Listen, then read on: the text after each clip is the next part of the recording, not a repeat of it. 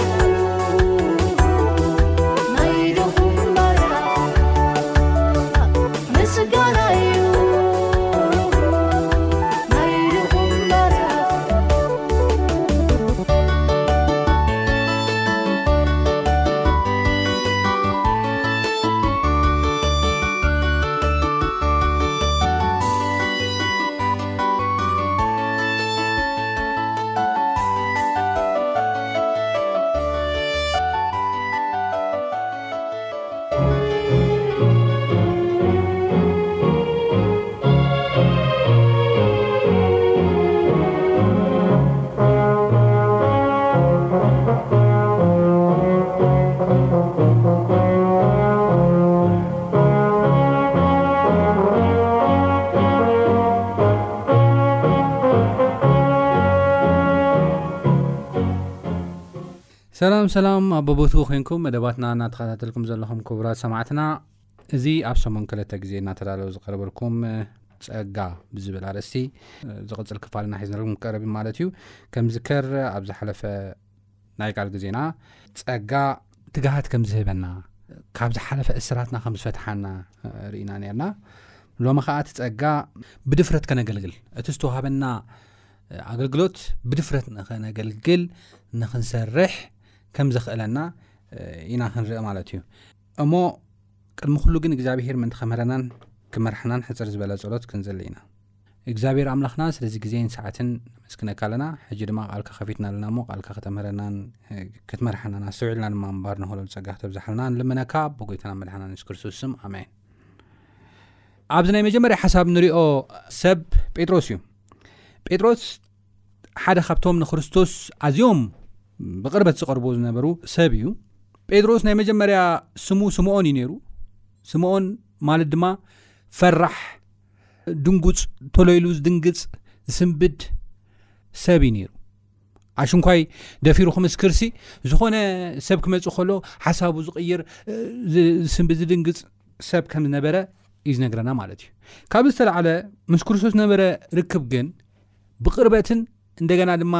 ኣዝዩ ብፅንዓት ክሳብ ፍፃሜ ናይ ክርስቶስ ኣገልግሎት ዝተኸተሎ ብቐዳምነት ካብ ዝፅራሕ ሰብ ሓደ ካብ ምዃኑ ዝተላዕለ ክርስቶስ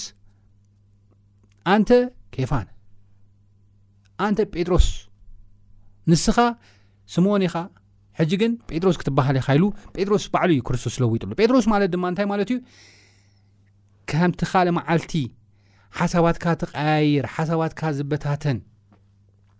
ፈራሕን ዝስንብድን ሰብ ዘይኮነሲ ከም እምኒ ጠንካራ ፅኑዕ ዝኾነ ሰብ ክትከውን ኢኻ ኢሉ ጴጥሮስ ኢሉ ከም ዝሰየሞ ኢና ንርኢ ጴጥሮስ ማለት ናይ ግሪክ ቃል እዩ ናእሽቱ ኣእማን ማለት እዩ እምኒ ነቕ ዘይብል እምኒ ማለት እዩ ስለዚ ብጣዕሚ ጽቡቕ ሽም ከም ዘውጻሉ ኢና ንርኢ በዚ ሽም እዚ መሰረት በዚ ሽም እዚ መሰረት ድማ ጴጥሮስ ድሓር ከምቲ ዝበሎ ደፋር መስካሪ ከም ዝኾነ ሓያል መስካሪ ከም ዝኾነ ኢና ንርኢ ብርግፅ ክርስቶስ ኣብ ዝነበረሉ ግዜ እዚ ዓይነት ባህርያት ንባዕሉ ሽም ተቐይሩሉ ንባዕሉ እዚ ባህርያት እዚ ይረኣዮ ነይሩ እዩ ንኣብነት ኣብ ማርቆስ ምዕራፍ 14 ኣብ ክርስቶስ ኣብ ዝተታሕተላ ዕለት ብተደጋጋሚ ክርስቶስ ጸልዩ ናብ ፈተና ምእንቲ ከይተኣትውስ ጸልዩ እኳ ኢሉ ተተዛረቦም ነገር ግን ጴጥሮስ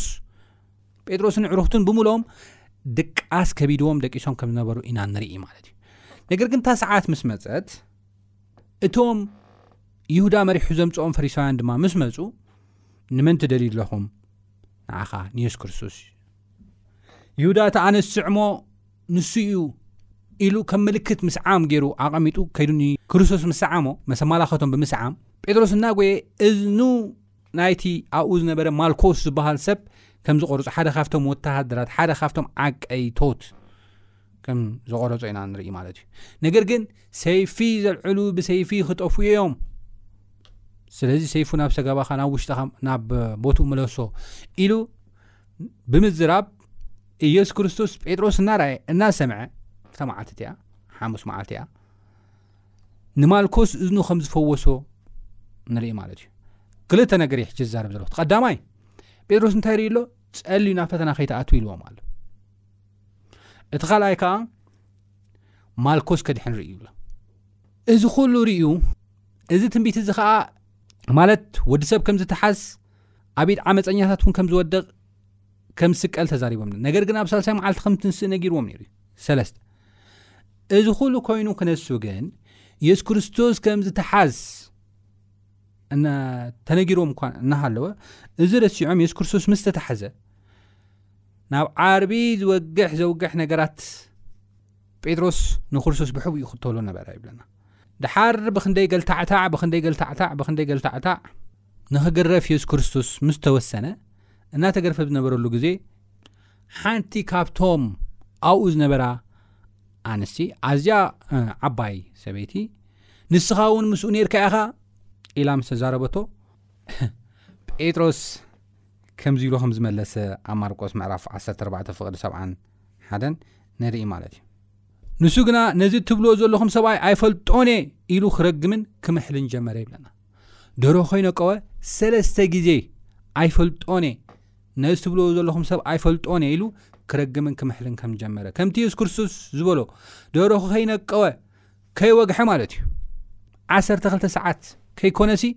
ሰለስተ ሸዓ ክትክሕደኒ እያ ከም ዝበሎ ደርሆ ከይነቀወ ሰለስተ ሸዕ ኣይፈልጦን ኢሉ ከም ዝተዛረበ ኢና ንርኢ ማለት እዩ በዚ መልክዕ እዚ ጴጥሮስ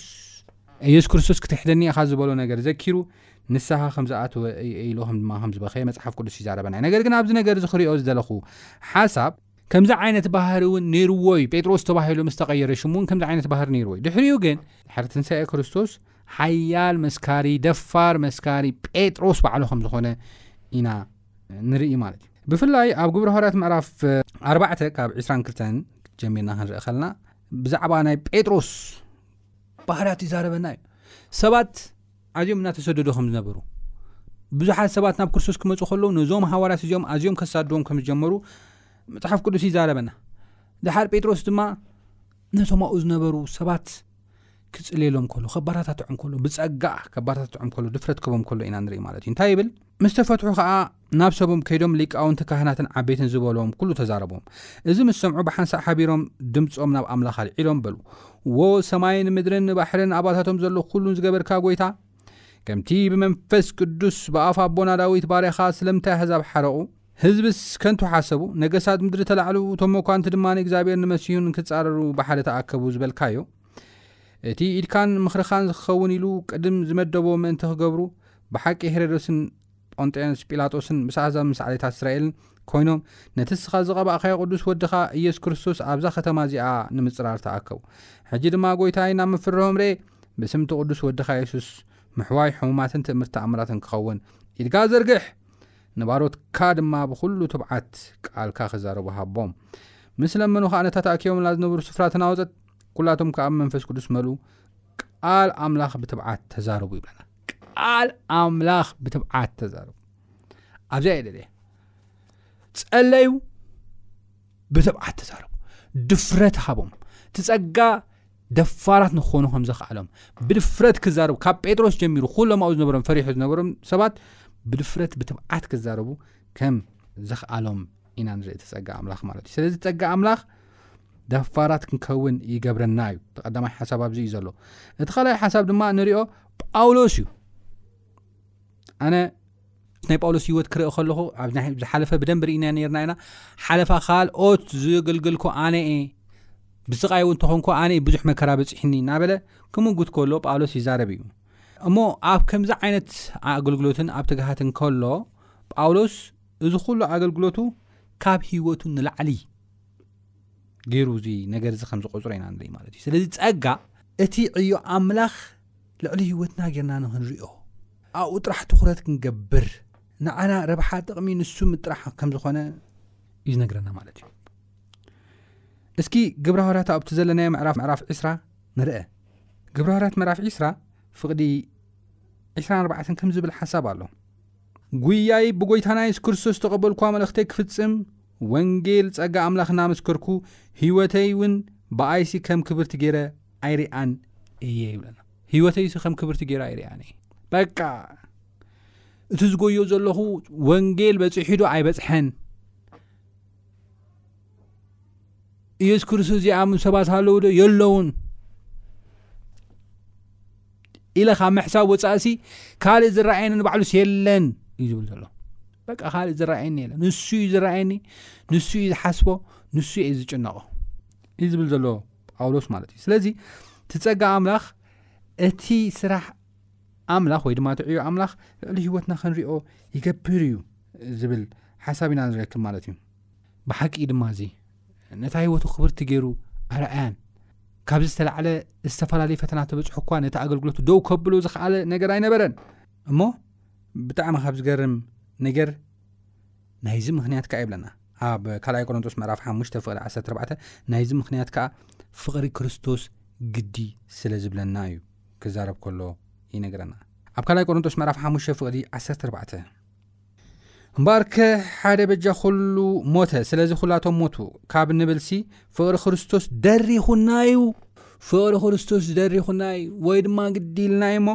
እንተ ተጸለልና ንኣምላኽ፣ ምስ ቀልብና እንተ ሃለና እውን ንኣኻትኩም ኢና ኢሉ ክዛረብ ከሎ ኢና ንርኢ ማለት እዩ። ስለዚ እቲ ጸጋ ኣምላኽ ፍቕሪ ክርስቶስ ኣዝዩ ስለ ዘረዳኣና ንህይወትና ከም ክብርቲ ጌርና ይንርያና በቃ እቲ ፍቕሪ ክርስቶስ ምላሽ ኣብ ምሃብን ደይምሃብን እዩ ዝኸውን ትሕቶ ማለት እዩ። እሞ ናይ ጳውሎስ ህይወት እውን ከምዚ እዩ ነይሩ ማለት እዩ ናብቲ ናይ መወዳእታ ሓሳብይ ክኣቶ ከለኹ እዚ ፀጋ ኣምላኽ እዚ ንብዙሓት ኣብ ዘመናት ኩሉ ወንጌል ዝሰበኹ ኣመንቲ ክርስቶስ ሰዓብቲ ክርስቶስ ብድፍረት ንክምስክሩ ገይርዎም እዩ ኣብ ታሪክ ክንርእ ንኽእል ኢና በዓል ጆን ዊክሊፍ በዓል ማርቲን ሉተር በዓል ጆን ወዝሊ እዚኦምን ካልኦትን በዓል ኖክስ እዚኦምን ካልኦትን ኩሎም ህይወቶም ንጎይታ መሃብ ብድፍረት ወንጌል እናሰበኹ ኣብ ነበርሉ ሰባት ከም ዝኾኑ ኢና ንርኢ በዓል ዊልያም ሚለር በዓል ጀምስ ዋይት በዓል ኤለን ዋይት እዚኦምን ካልኦትን ብምሉኦም ብድፍረት ንጎይታ ኣገልጊሎም ህይወቶም ክሳብ ትሓልፍ ዘገልገሎ ከም ነበሩ ኢና ንርኢ እዚ ድማ ካብ ህይወትና ንላዕሊ እቲ ናይ ክርስቶስ ፍቕሪ ስለ ዝድረኸና እዩ ኢሎም ክዛረቡ ከሎ ኢና ንርኢ ማለት እዩ እሞ ኸደኣ ሎሚ ኣሕዋተይ እዚ ወንጌል እዚ ንኸይንሰብኽ ፍርሓት ሒዝና ዶ ይኸውን ናብ ፀጋ ኣምላኽ ንምፃእ ኣብ ፀጋ ኣምላኽ መፍትሒ ኣሎ ናይ ክርስቶስ ፍቕሪ እስኪ ንምርምሮ ስፍሓቱ ዕምቀቱ ጥልቀቱ ብምሉ ንውሓቱ እስኪ ንመርምሮ ክሳብ ክንደ እዩ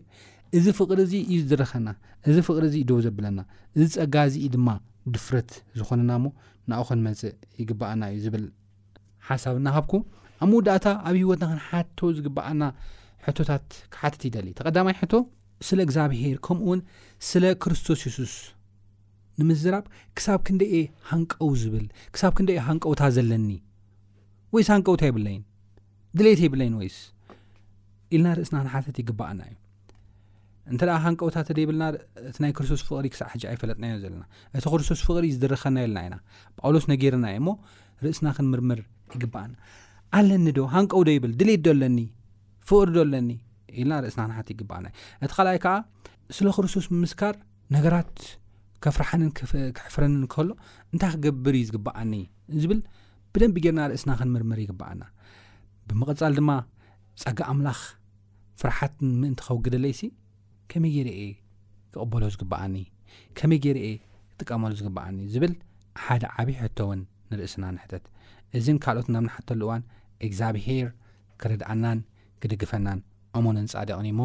እዚ ክንገብር ጸግኡ የብዝሓልና እናበልና ኣብ ዝቕጽል ናይዚ መቐጸልታ ሒዘልኩም ክቐርብ እየ ክሳብ ዝቕጽል ጎይታ ይባርኽኩም ሰላም ኩኑ።